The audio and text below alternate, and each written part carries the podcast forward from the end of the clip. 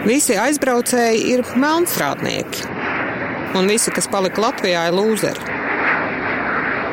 Vai tas ir pārspīlējums? Aigas Pelanes komentārs par migrācijas stereotipiem. Katru rītu pulksten 8.15 Latvijas Radio 1 un LSM LV. Piedāvā ziņu dienests. Šodien ar kolēģiem no 5LV un LSMLV piedāvājam mūsu klausītājiem un lasītājiem kādu pārdomu vērtu tematu, proti par migrāciju. Aizbraukšanu no valsts, atgriešanos, par mūsu atvērtību citu valstu pilsoņiem. Kāpēc šāda tēma un turklāt vēl svētku nedēļā? Protams, mēs varējām iet visai ierastu ceļu un publicēt skaistus stāstus par saviem tautiešiem, kas svin un joprojām ir Latvija tālumā, un par tiem, kas ir atgriezušies Latvijā, radījuši šeit uzņēmumus un jūtas laimīgi. Es nenoliekšu, ka šādi stāsti ir. Taču ir arī daudz skaudrāki stāsti. Gan par atgriešanos, gan par aizbraukšanu, gan par mūsu savstarpējām attiecībām, kas visā krāšņumā izpaužas dažādos sociālajos mēdījos vai komentāros pie rakstiem par migrācijas tēmu. Tāpēc četras dienas šonadēļ, 8.15 no rīta, runāsim par pieņēmumiem, jeb mītiem un realitāti. Ko mēs galu galā saprotam ar vārdu migrācija, vai tā tiešām apdraud Latvijas valsts pastāvēšanu, vai Latvijā kāds gaida ārzemēs dzīvojošos tautiešus atgriežamies, kā mainās mūsu emigrantu portrets? Un ko iegūst cilvēki, kas aizbrauc, un kā arī ko mēs te palikušie iegūstam vai zaudējam. Šodien sāksim ar tēmu, ko Latvijas saprot ar vārdu migrācija un kad tas ir labi un kad ne īpaši. Vai jūs, prāt, migrācija darba meklējumos ir kas slikts? Nē. Nav slikts, tāpēc, ka mums ir brīvā naudas un, un cilvēku kustība. Un, kā lai saka, cilvēks jau meklē, kur ir labāk. Nu, tāpēc mums, mums ir svarīgi uztaisīt tā, lai šeit ir vislabāk. Tāpēc, lai migrē uz tejienu, nevis migrē projām. Viņi tur arī droši vien nopelna vairāk naudas nekā šeit strādājot. Arī Ludzā darba ir ļoti maz. Es domāju, ka tas ir tāda laba pieredze, manuprāt. Nu, slikts tādā ziņā, ka tas nodara noteikti zināmu kaitējumu mūsu ekonomikai. Bet es arī ļoti labi saprotu tos cilvēkus, kas to izvēlās darīt. Jo, nu, mūsu darba tirgus un, un samaksa dažreiz par to ir ļoti neadekvāta.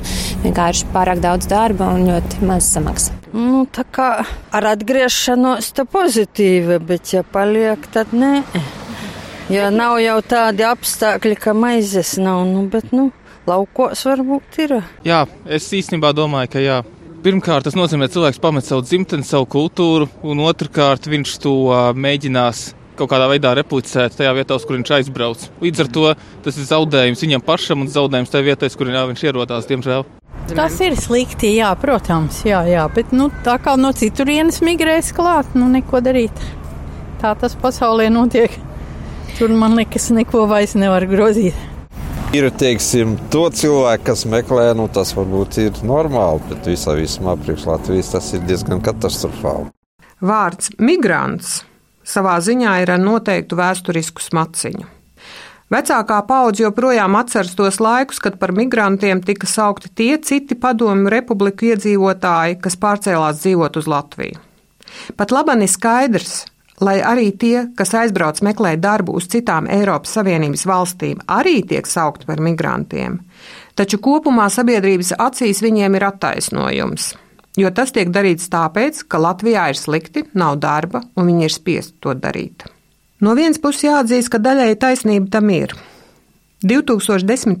gadā, kad Latvija ļoti sāpīgi bija skārusi ekonomiskā krīze, no mūsu valsts izbrauca teju 40 tūkstoši iedzīvotāju. Taču tā ir tikai daļa no patiesības. Tas, ka Latvijas ekonomika pakāpeniski atkopās un situācija uzlabojās, nebūtu nav bijis par iemeslu, lai iedzīvotāji pārtrauktu pamest valsti. Tā piemēram, pērn no Latvijas tāpat aizbrauca vairāk nekā 20 tūkstoši iedzīvotāju. Šajā gadījumā mēs vairs nevaram runāt, ka cilvēki brauc prom tikai tāpēc, ka Latvija ir ļoti slikta un nav darba. Šī statistika liecina, ka iedzīvotāji ļoti labi prot izmantot mūsdienu pasaules tendenci un to, ka pēc iestājas Eiropas Savienībā var braukt dzīvot un strādāt jebkurā citā Eiropas valstī, kurā viņiem patīk vislabāk. Apjausma, ka migrācija ietver sevī ne tikai tautiešu aizbraukšanu, emigrāciju un iespējamo atgriešanos, reemigrāciju, bet arī tādu lietu kā imigrāciju, proti, citu valstu iedzīvotāju ierašanos Latvijā un palikšanu uz dzīvi šeit, parādījusies tikai pavisam nesen. Diemžēl nāks atzīt, ka mūsu ekonomika no vienas puses ar savu pašreizējo aizvērtību, jo mēs praktiski nelaižam svešos iekšā, un atvērtību no otras puses. Mēs laižam savējos ārā. Īstenībā ilgi vairs neizvilks. Tas lēnām top skaidrs arī politiķiem, kuriem vienmēr migrācija ir bijusi tabū tēma, jo sabiedrībā to uztver emocionāli sakāpināti. Īpaši tās lietas, kas skar citu valstu pilsoņu ierašanos uz dzīvi Latvijā. Ielaist iekšā svešos sava tēva jau desmit gadus pamestā un brūkošā mājā joprojām tiek uzskatīta par lielāko nodevību. Taču pārcelšanās uz jaunu mītnes valsti mūsdienās nav nekas jauns. Protams, tas nereti notiek spiestu apstākļu, kāru vai dabas katastrofu dēļ, un pavisam nesen Eiropa arī pārdzīvoja bēgļu krīzi. Taču migrācijai nav tikai negatīvas sekas viena.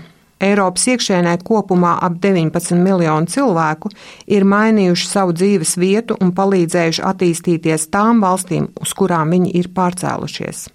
Par to, kas ir iekārojamākās valstis un kur iedzīvotāji visaktīvāk meklē jaunas iespējas, turpinājumā ierakstā. Uz kurām valstīm Eiropas iedzīvotāji dodas meklēt darbu?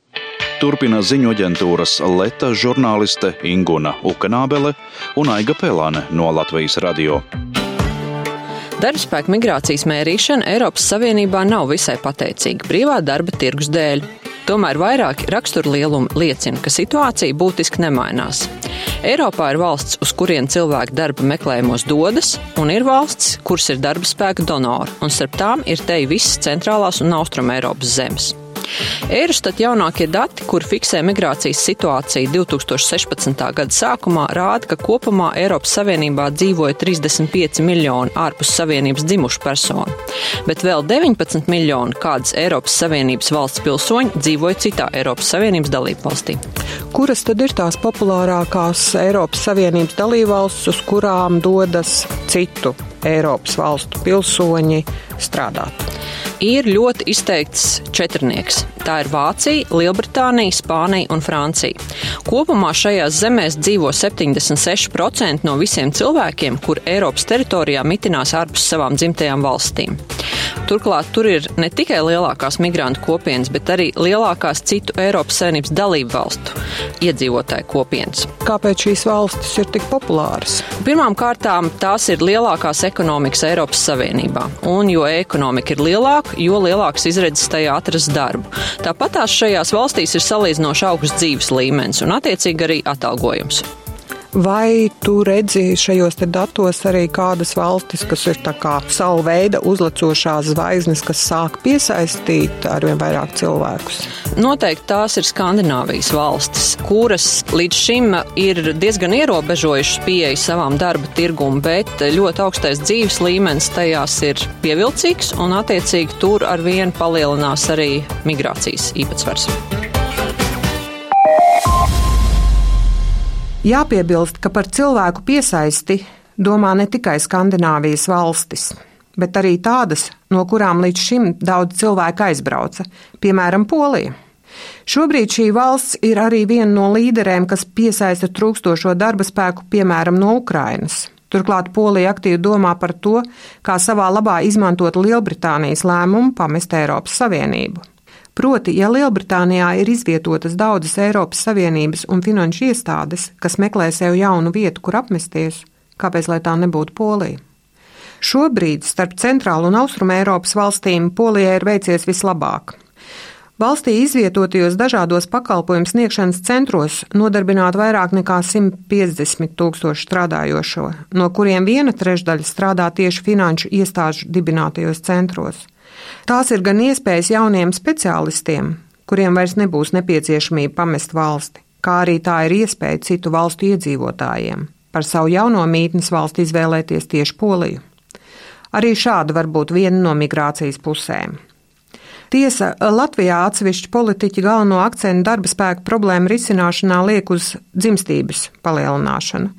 Tas gan nerisina problēmu ātrā laikā, un reemigrāciju, tautiešu aicināšanu mājās. Par to, vai te kāds tiešām kādu gaida, kāda ir realitāte, parunāsim rīt, šajā pašā laikā. Pēc 15 gadiem īrijā viņš ir atpakaļ mājās, un viņi cer, ka tagad būs citādi. Tēta projekts Dokumentāls stāsts par atgriešanos. No 13. novembra 12.30 Latvijas Radio 1. Arī LSM LV un podkāstā piedāvā ziņu dienests.